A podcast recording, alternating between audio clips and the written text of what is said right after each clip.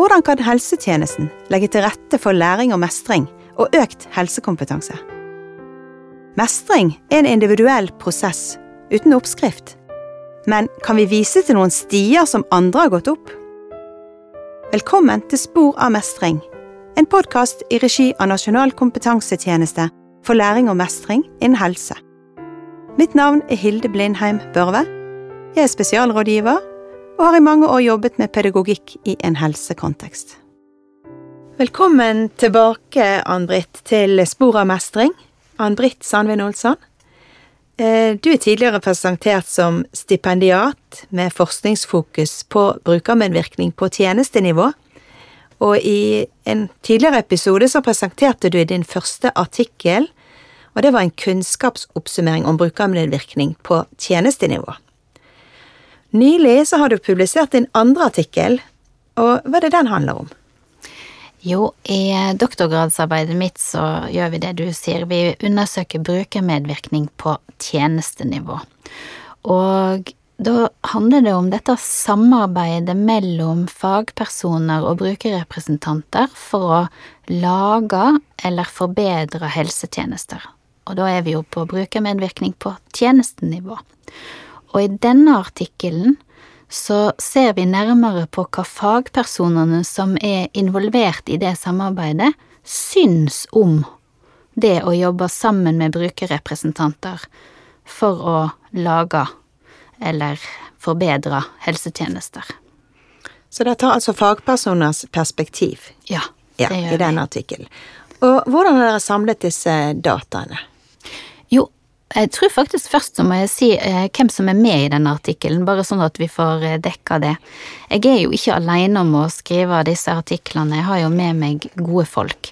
Så eh, der har Una Stenberg og Mette Haaland Øverby, de er jo òg kollegaer av meg og deg, Hilde, vært med. Og så er min hovedveileder Anita Strøm, og så har jeg med meg en til biveileder som heter Tor Slettebø. Og de to sistnevnte, de hører til på Vid vitenskapelige eh, høgskole. Ja. Så jeg må jo få med de Fint at du nevner det òg. Ja, og så må jeg si at eh, mitt doktorgradsarbeid det er finansiert av Stiftelsen DAM og av eh, jobben vår, Nasjonal kompetansetjeneste for læring og mestring innen helse, og ved Oslo universitetssykehus. Ja. Da har vi alle Fint å det på formalia på rett. Ja, ja, det er plass. vesentlige ting. Og så tilbake til spørsmålet, Ann-Britt. Hvordan har dere samlet disse dataene? Jo, det er jo sånn at eh, hele I ph.d.-prosjektet mitt så har vi gjort både innledende observasjoner, det betyr at vi går inn i eh, fire ulike kommuner har vi gjort det, og så har vi vært til stede på noen dager og noen møter og sånt, og så har vi funnet ut eh, ja, hva folk bryr seg om, og hva de ser på, hva de har eh, trenger å, eh, tenke på der, og hva vi har lurt på. Og så har vi gjort fokusgrupper med fagpersoner på eh, hver av de, eller i hver av de eh, kommunene. Det er kanskje også fint å si at de som vi har, de kommunene som vi har involvert, de er veldig ulike. Eh, både med hvor de ligger geografisk, men òg i størrelse og i eh, grad av erfaring eh, med å jobbe sammen med brukere for å utvikle eller forbedre tjenester. Så vi har prøvd oss å få i hop grupper som og til sammen dekke et eh, bredt eh, erfaringsgrunnlag, da, sånn at vi har mye å ta av. Så da mener du de enkeltpersonene, fagpersonene, at de har ulik erfaring og lengde? Ja, Ja. de som har vært med i gruppene. Ja, nettopp. Men, men mest er det faktisk sånn at kommunene de har jo enten lang erfaring eller kort erfaring med å drive med dette arbeidet, Ja. så det er egentlig ei gruppe har folk med mye erfaring, og så er det ei gruppe som har folk med lite erfaring. Mm. Som får litt like type spørsmål, sånn at det går igjen i alle. Det gjør de. Det er jo vesentlig. Ja. ja, og så har dere altså satt de sammen i grupper, men hvilke tema er det dere har fokusert på? Nå er jo vi veldig opptatt av Ja, vi har spurt innledningsvis litt om deres bakgrunn, så vi veit litt om det. Og så har vi jo gått inn og spurt hvordan de opplever det å samarbeide med brukerrepresentanter. Vi har bedt om case, egentlig, eller situasjoner som de har, eh, har tenkt på. Eh, og så har vi spurt om hva de syns var bra, og hva de syns var krevende eller vanskelig. Og spesielt egentlig søker vi òg etter det som har vært krevende eller vanskelig, fordi vi ønsker jo å bidra til å styrke en medvirknings- eller brukermedvirkningspraksis. Ja, jeg har jo lest en artikkel og syns det er utrolig mye, mange spennende temaer og situasjoner og gjenkjennbare situasjoner som du løfter frem, Ann-Britt. Kan ikke vi se litt på noen av disse situasjonene? Jo. Um, det er iallfall sånn kan, kan kanskje begynne Det er jo alltid fint å begynne med det positive. Ja, igjen. Så eh, det kommer veldig tydelig fram at disse fagpersonene de syns det er både meningsfullt og betryggende å utvikle helsetjenester sammen med brukerrepresentanter. Og det meningsfulle, det, det er liksom knyttet opp mot dette at de lærer mye eh, når de sitter sammen med brukerrepresentanter om situasjonen til folk som lever med en helseutfordring, og, og den kunnskapen de får da, den tar de med seg inn i sin jobbhverdag i møte med andre pasienter, pårørende og brukere. Så det er meningsfylt. Men så er det òg betryggende fordi de kjenner virkelig på at brukerrepresentantene kommer med innspill som de ikke sjøl hadde tenkt på, og som gjør at tjenestene blir bedre tilpassa eh, brukerne eller de pasientene eller de som skal gjøre seg nytte av disse tjenestene. Og det kjenner vi jo igjen fra lærings- og mestringsfeltet. Ja, Ja. Så det er ikke noe nytt dette her, men det er veldig viktig å si at det er veldig positivt. Eh, de opplever det som positivt. Kan ikke du si enda litt mer om det, Ann-Britt? Dette med det positive, tenker du? Ja, nei, men, men det er Alle de som er med i vår studie, de har egentlig blitt håndplukka fordi de har erfaring fra å være med i sånne samarbeid. Sånn at alle er jo faktisk positive til denne samarbeidsformen fra bunnen av, så det er viktig å, å legge vekt på. Men til tross for det, da, så er det ting som de syns er veldig vanskelig. Eller kan være krevende eller vanskelig. Avhengig av hvordan samarbeidet går, da. Mm. Skal jeg gå inn på det litt, kanskje, da? Kanskje du kan gjøre gjøre det? Ja. Litt om de utfordringene som dere opplevde. Du, du sier noe at eh, det var noen som strevde med å balansere egen autoritet i samarbeidet. Hva er det det handlet om? Ja, for da Iallfall så er det sånn at eh, fagpersonene som var med, eller som var med i disse fokusgruppene, eh, de syntes at de hadde veldig mye autoritet i forhold til brukerrepresentantene. Og det bygde de både på at de hadde sin fagkunnskap, eh, og at de var i en jobb der de brukte sin fagkunnskap, men òg at brukerrepresentantene måtte komme inn på deres arena. Eh? Inn, på, inn i kommunen sin lokaler fysisk og snakke om dette her. Eh, og den, den der eh, autoriteten, den blei nesten litt sånn forstyrrende for de, fordi at de hadde jo en, en eh, eh, Altså, de hadde en idé om at dette samarbeidet skulle være likeverdig. Og, og at de skulle være likestilte. Og at, var, at brukerrepresentantene skulle være kollegaer i det På et, en måte som kollegaer i et tverrprofesjonelt eh, samarbeid. Men det funka ikke helt. For det blir jo ikke Altså, brukerne er jo ikke ansatt, og de har ikke fagkunnskapen. Selv Og så er du på jobben til disse fagpersonene. Ja. Ja. Så det ble en så sånn det er en forstyrrende sånn ting. forstyrrende, ja. Mm. Og så er det jo òg sånn at de som kom inn, har jo med seg sin pasient- eller brukererfaring, og, og eh, fagpersonene er tradisjonelt de som skal ivareta Mm. Det ligger liksom i naturen. Ja, det gjør det. Så fagpersonene fortalte jo òg at de kunne At, at den der autoriteten og det der hvordan de skulle takle det, da gjorde at de ofte ble for ydmyke i samarbeidet, og lot være å si imot brukerrepresentantene for at de ikke skulle såre eller forulempe brukerrepresentantene, da. Sant? Og da forsvinner jo kanskje litt av hensikten med samarbeidet, kanskje. Jeg ser at det kan skje. Ja. Ja. Og, og så var det òg sånn at disse i fokusgruppene, fagpersonene, de sa at eller om igjen og om igjen så kom det opp, ja, vi må jo òg tørre å si vår mening, og vi må jo tørre å, å eh, være uenige, og vi må jo tørre å ta fram vår faglige kunnskap. Mm. Så den utfordringen var vanskelig å ta? Mm, for ja, flere. Naturlig. Ja. Og så var det òg kanskje sånn at de som hadde mest eh, trøbbel med det, det var de som hadde minst erfaring med det.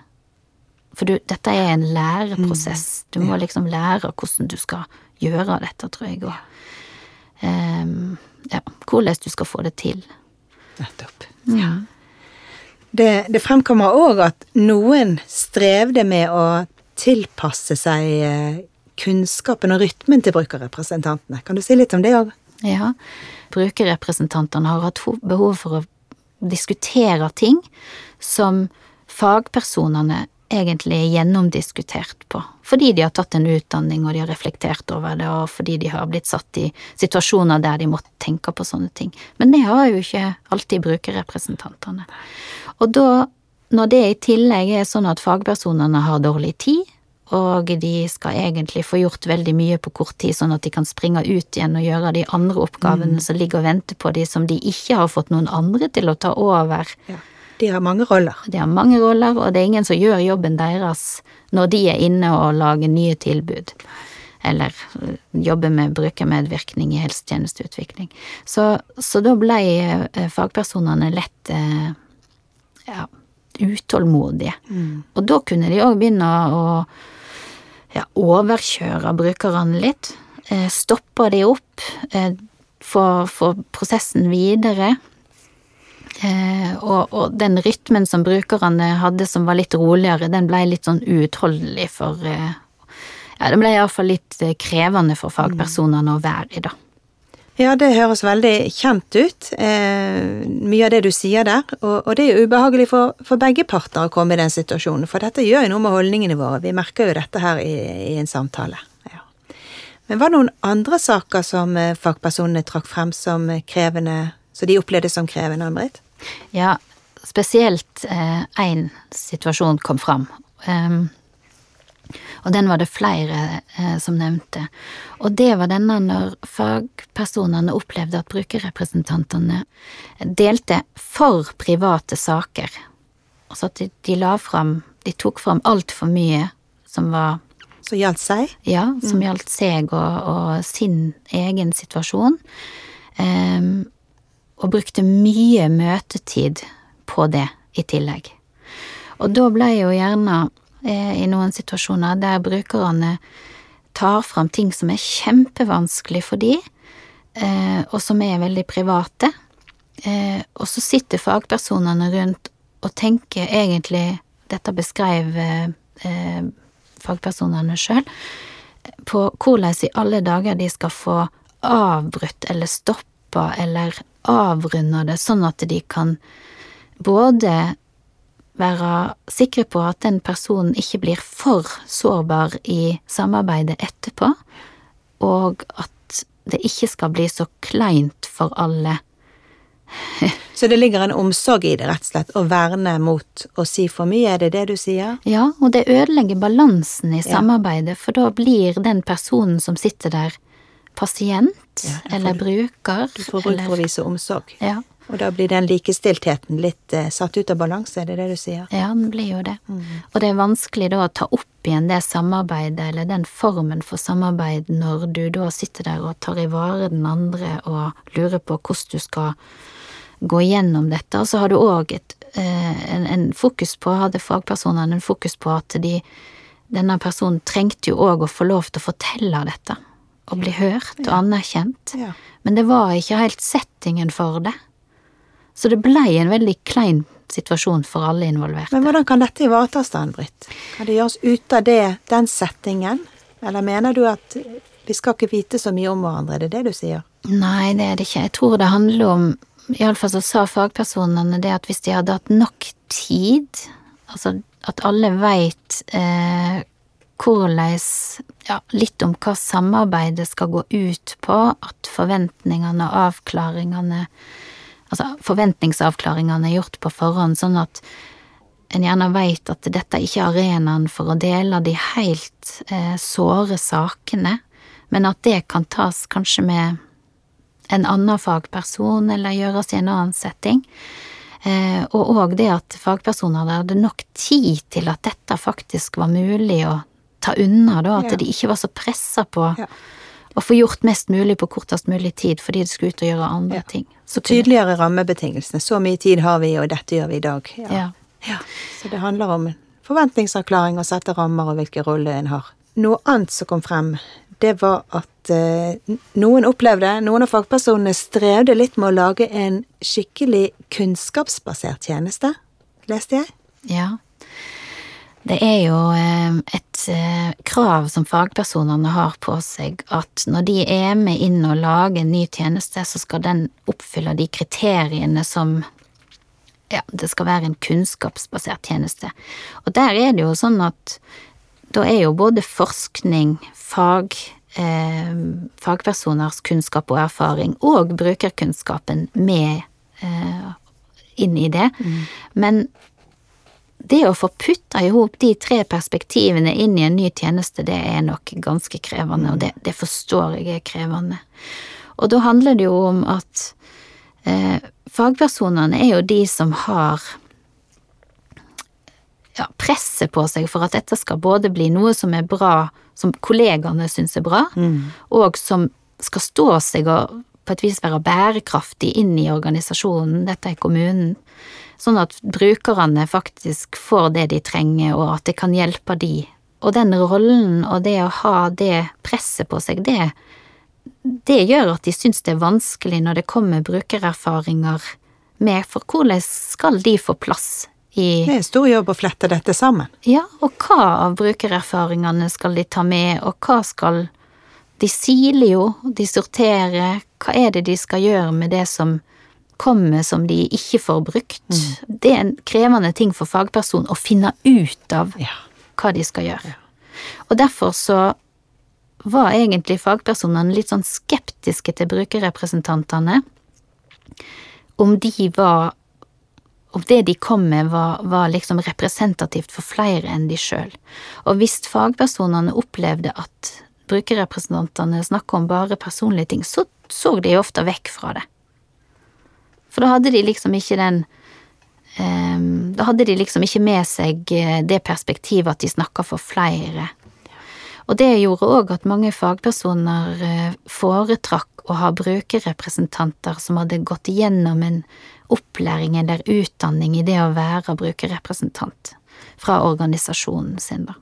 For da stolte de mer på at brukerrepresentantene hadde på et vis den riktige hatten på, da, inn i samarbeidet.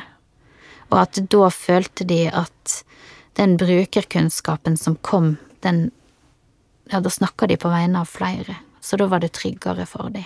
Og da var det lettere å få til det som de kalte en skikkelig kunnskapsbasert tjeneste, da. Det er krevende rolle, dette. Ja. Hjelp meg for en balansekunst. Ja. Der alle skal bli hørt, og alle de tankene samtidig at det er altså kunnskapsbasert nok. Og der ligger brukererfaring som en av de tre stolpene i den trekanten. Kunnskapsbasert praksis. Ja, den gjør jo det. Så ehm, men, men det er iallfall Jeg forstår at det er vanskelig å forstå, for det er veldig ulike typer kunnskapsformer. Men jeg ser òg Altså, resultatene våre indikerer òg at eh, de som har minst erfaring, har mest trøbbel med det. De som har mer erfaring og omkring dette med å samarbeide med brukere, de tenker ikke så mye på dette med representativiteten til brukerrepresentantene lenger. Fordi de har sett at det, det, har, det de kommer med er viktig, og det, det brukerrepresentantene tilbyr, og den kunnskapen har masse å si for hvordan eh, tilbudet blir bedre, da. Så her trengs det erfaring. Helt Ja, tydelig. ja, det hjelper iallfall på samarbeidsprosessen og de krevende situasjonene som fagpersonene står i, da. Tydeligvis. Ja. Så hva mener du med andre ord at det er lurt å fokusere på for å få til et godt samarbeid, Ann-Britt? Ja, i alle fall så sa fagpersonene at ehm, Altså, det handler nok noe om å, å se på Å erkjenne at det å inngå i samarbeid både med flere fagpersoner og brukerrepresentanter, det, det, det kan være litt vanskelig og litt krevende. Og hvis alle veit hva de hva deres rolle er i det samarbeidet, så kan det lette litt, og at de har diskutert òg på forhånd kanskje noen litt sånne eh, ja, hvordan vanskelige, hva vanskelige situasjoner som kan oppstå i det samarbeidet, og hvordan de skal håndtere det. Det kan være en fin ting. Mm.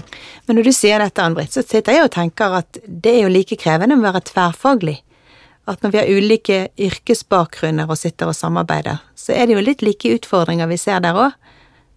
Ja, det kan du si, og samtidig så legger de faktisk vekt på disse fagpersonene at for, for, det er helt tydelig i, i denne eh, studien at fagpersonene ser i utgangspunktet på det å dra inn brukere eh, som en type eller en form for tverrfaglig samarbeid, at de bare får inn den ene ekstra stemma, mm. eller de to stemmene, men, men brukerstemmer, da, mm. um, som, som, bare blir noe mer i samarbeidet, som, som en tillegg i Beriker. Ja, kunnskapen. Ja. Ja. men, men det gjør det som er det vanskelige, er at når du har fagpersoner som du samarbeider med, så opplever du den likestiltheten tydeligvis, da, den måten de snakker på, og det de forteller, den likestiltheten med fagpersoner, den er litt sånn Den er litt gitt og satt. Og så tror de kanskje at det blir sånn med brukerne òg, men det blir det ikke. Nei. Og det er der det ligger en sånn spenning eller en utfordring eller en iallfall en Kanskje en mulighet, faktisk, òg. For det er to forskjellige typer kunnskap og de gir inn på ulike vis.